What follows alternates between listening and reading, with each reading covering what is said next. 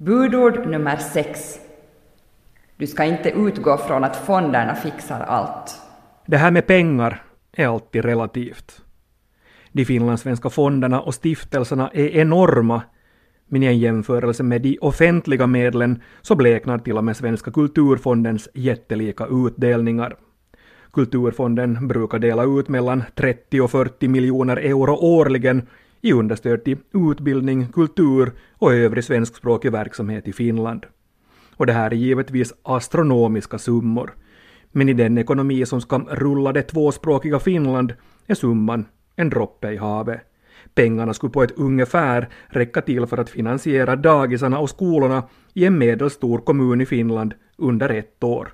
Sen skulle pengarna vara slut.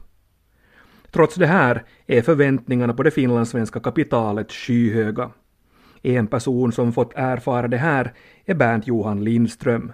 Han är en nykomling och lite av en doldis också i den finlandssvenska fondvärlden. Lindström rekryterades i höstas till Kulturfonden från ett direktörsjobb inom bildningsväsende i Vanda. På Kulturfonden är Lindström ny utbildningsombudsman och han har ett tungt vägande ord när fondens pengar ska delas ut. Det är ju alltid förstås när något behöver göras så börjar man ju fundera att vem har resurserna att göra det och, eller vem har tid och, och så vidare. Då kan det ju vara något att ofta i sidomeningar så slänger man att kanske fonderna, finlandssvenska fonderna borde göra någonting. Ibland är det, är det kanske riktigt befogat för att vi, vi fungerar ju enligt det som, som olika donatorer har, har gett pengarna för så att säga och det där, de passar ju inte in på alla områden.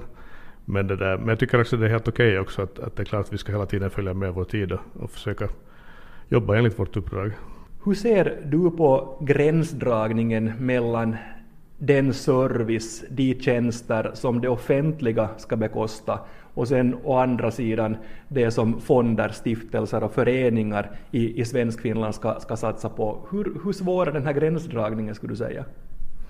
Um, inte ens egentligen så, så jättesvårt. Vissa frågor kanske flyter lite in i varandra men, men det, där, det kanske är det också att jag har den här kommunala bakgrunden. Och, och, då vet man ungefär vad är det som kommunen borde göra enligt lagstiftningen och, och hela sen statliga, statliga institutioner. Och, det där, och då, då är det relativt lätt att säga att okej okay, det här borde vi inte göra för det, det borde liksom ske med skattemedel. Och det där, så på det sättet så, så är det kanske nog att vi har, vi har en annan uppgift, att vi kanske kan ge lilla extra eller vi kan sparka igång olika saker. Det är kanske är där som gränsdragningen kommer att, att hur mycket ska vi sparka igång olika saker, så sen kanske någon gång börjar fundera eller fungera med offentliga medel. Ja, hur, hur mycket blir det ett dilemma för er att ni sparkar igång saker, att ni initierar saker och sen förväntar sig folk per automatik att ni kommer att stödja det i tid och i otid? Eh, I vissa fall så, så, har jag nog redan sett ju att, att vissa saker kommer på nytt och på nytt liksom hela tiden. Men det, där, eh, det handlar ju också om det att vi försöker vara tydliga i vår mm, kommunikation på det sättet att, att, att när man ger ett stöd så, så mm, ger man lite motivering också att det här är för att starta en sak eller det här är liksom del ett av tre eller det här är liksom det enda bidraget, engångsbidraget som kommer. Att det där, på, på det sättet, men det, projektvärlden är ju nog så också på statligt håll att det blir lätt så att man bygger upp någonting och sen när det är slut så, så faller det ihop så att säga. Bernt Johan Lindström är spindeln i nätet för Kulturfondens nya jättesatsning som heter Hallå. Under de närmaste åren satsar fonden 6 miljoner euro på projekt som främjar språkkunskaperna i svenska och finska och som ska öka samförståndet mellan språkgrupperna. Den stora satsningen innehåller både något nytt och något riktigt gammalt. Nytt är att man nu riktar in sig i lika hög grad till finskspråkiga aktörer. Det gamla är att man söker sig tillbaka till Kulturfondens mest traditionella uppdrag, det vill säga att stödja uttryckligen det svenska språket. Det, var ju, det har ju varit en diskussion om att, att svenskan kanske har varit lite sådär åtsatt de senaste åren. Det, det kanske handlar ganska mycket om politiska konstellationer som råkar finnas i, i vårt land för tillfället. Också delvis och, och det där så, så tänkte man på något vis att, att borde Kulturfonden återgå till sin grunduppgift. Att, att, att det här svenska språket och, och delvis och sen andra de här attityderna i, i svensk Finland till det svenska. Och det här programmet så innehåller egentligen både och. Att vi är dels ute efter den här attityden och den här viljan att, att, att prata både svenska och finska. Och dels att bättre språkkunskaper också, finska och, och, och inte bara på, på svenska och, och det att, att grupperna liksom, det fungerar åt båda hållen.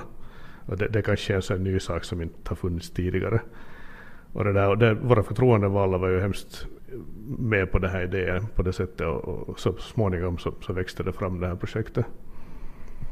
Hur mycket diskussion var det kring det här att det kommer att gälla, gälla båda vägarna, det vill säga det nya här är alltså att, eh, att uppmuntra båda språkgrupperna lika, lika aktivt. Hur mycket principdiskussioner hade ni kring, kring det här? Eh, nu, nu hade vi en del diskussioner nog på det sättet men jag vet inte om det egentligen aldrig var så hemskt mycket motstånd eller på det. Någon kan ju tycka förstås att varför ska vi understödja finskan på det sättet. Men det, där, det handlar ju också om den här Svenskfinlands regionala olikheter på det sättet att, att, det, att vi har på vissa områden som i västra Nyland också på, på, på vissa ställen och Österbotten där man inte kommer i kontakt med finskarna. Och det där, på något sätt så, så blir det liksom en kedjereaktion att om svenska skolor i Österbotten börjar söka sig till, till finska samarbetsparter så, så då kommer den andra samarbetsparten också automatiskt att intressera sig för det svenska. Det, det blir liksom en win-win situation hela vägen på det sättet och, och därför tror jag att vi kanske kommer till en ny till nya samarbetsformer som kan fungera. Ett nyckelord i Kulturfondens färska initiativ är kommunikation. Ett av målen med projektet är att stödja lösningar som leder till en mer levande tvåspråkighet i landet. Man vill helt enkelt skapa fler arenor där språkmöten känns naturliga. Man upplever kanske att det finns inte liksom de här naturliga arenorna för det här umgänget på något sätt. Eh, jag vet inte, eller så, så, så, tror man att eh, man har någon slags fördom att det är svårare än vad det är på något sätt. Att, att, vad ska de andra tänka, hur reagerar folk på olika sätt? Och då kan det hända att man måste lite med en extra satsning kanske bygga upp de här arenorna så att, så att man märker att det var inte heller så svårt. Att alla som kommer dit så har den inställningen att okej okay, det här är nu gjort för att det ska vara lätt. Att annars kanske man har den här fördomsfulla bilden av att, att det här är inte naturligt arena och här ska jag inte prata endera svenska eller finska. Att det kanske är det här som behövs, att någon, någon skapar det här liksom stället som, som det inte finns de här gränserna. Budord nummer sex. Du ska inte utgå från att fonderna fixar allt.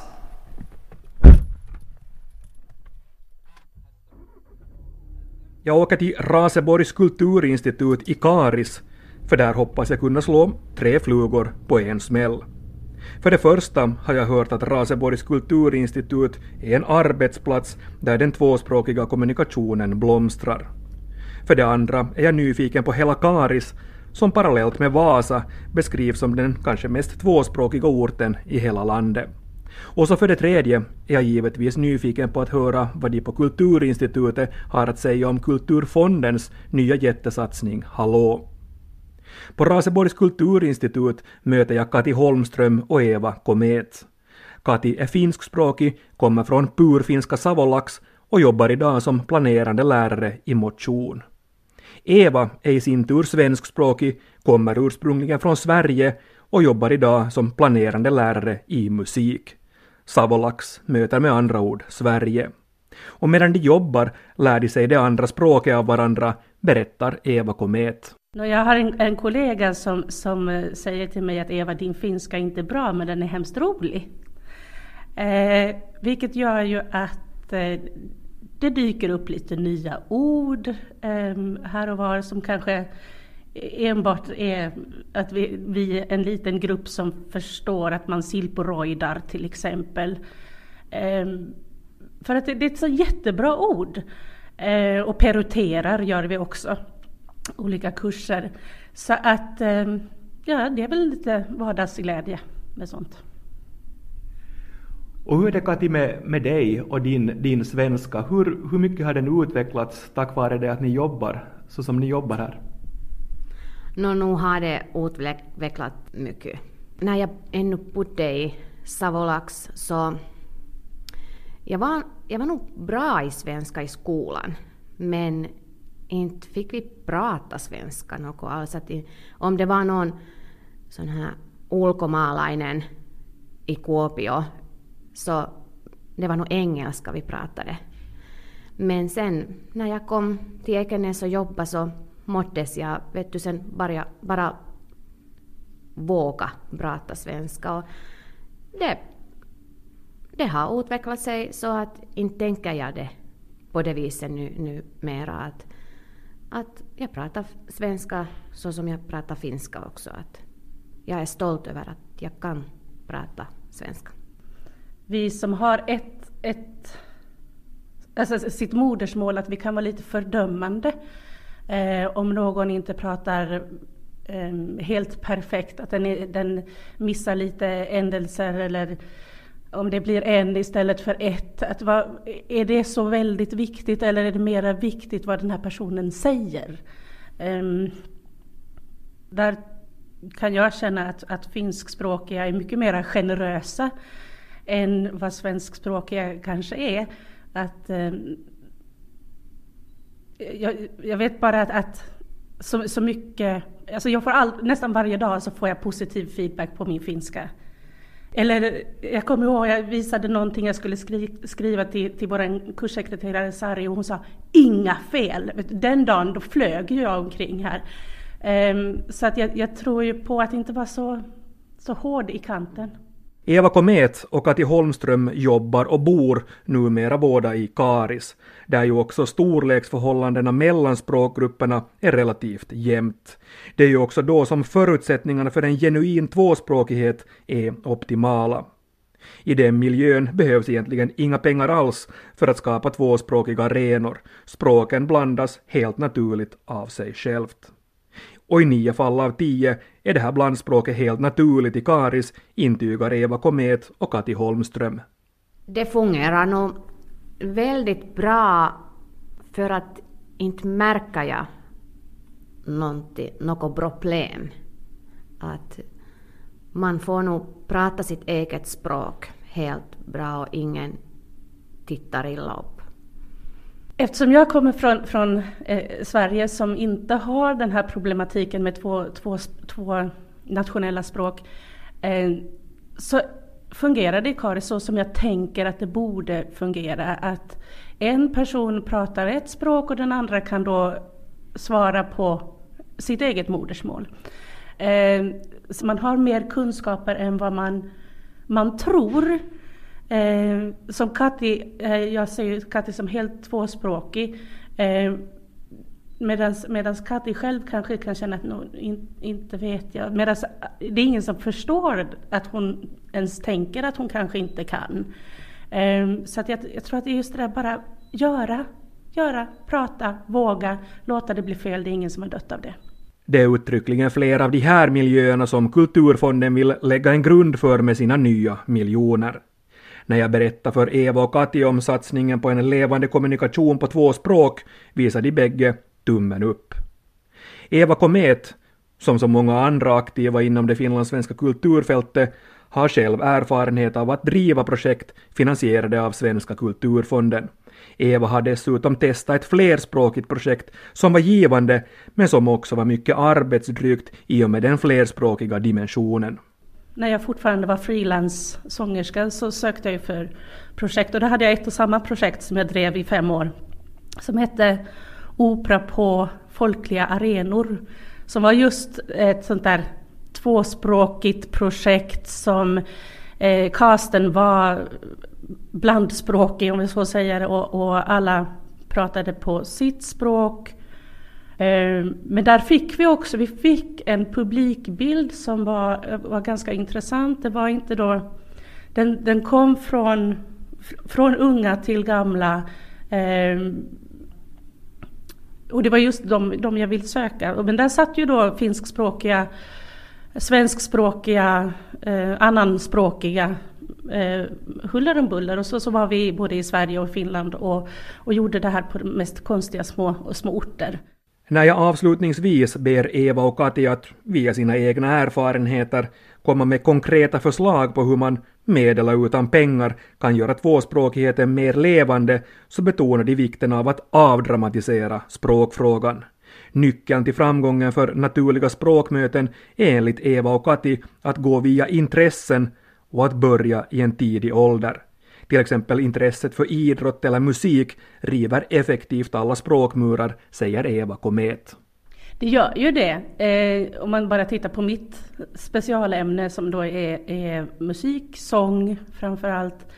Eh, så har ju, jag har ju idag både finskspråkiga och svenskspråkiga elever och då matar jag ju dem med, med eh, framförallt finskspråkiga med svenska och vice versa. Det handlar om att fila ner trösklar för att vi vet ju att i, i högstadierna till exempel så, så muttras det ju ganska ordentligt att Nå, varför måste man nu läsa det här andra språket? Jag tänker nog inte.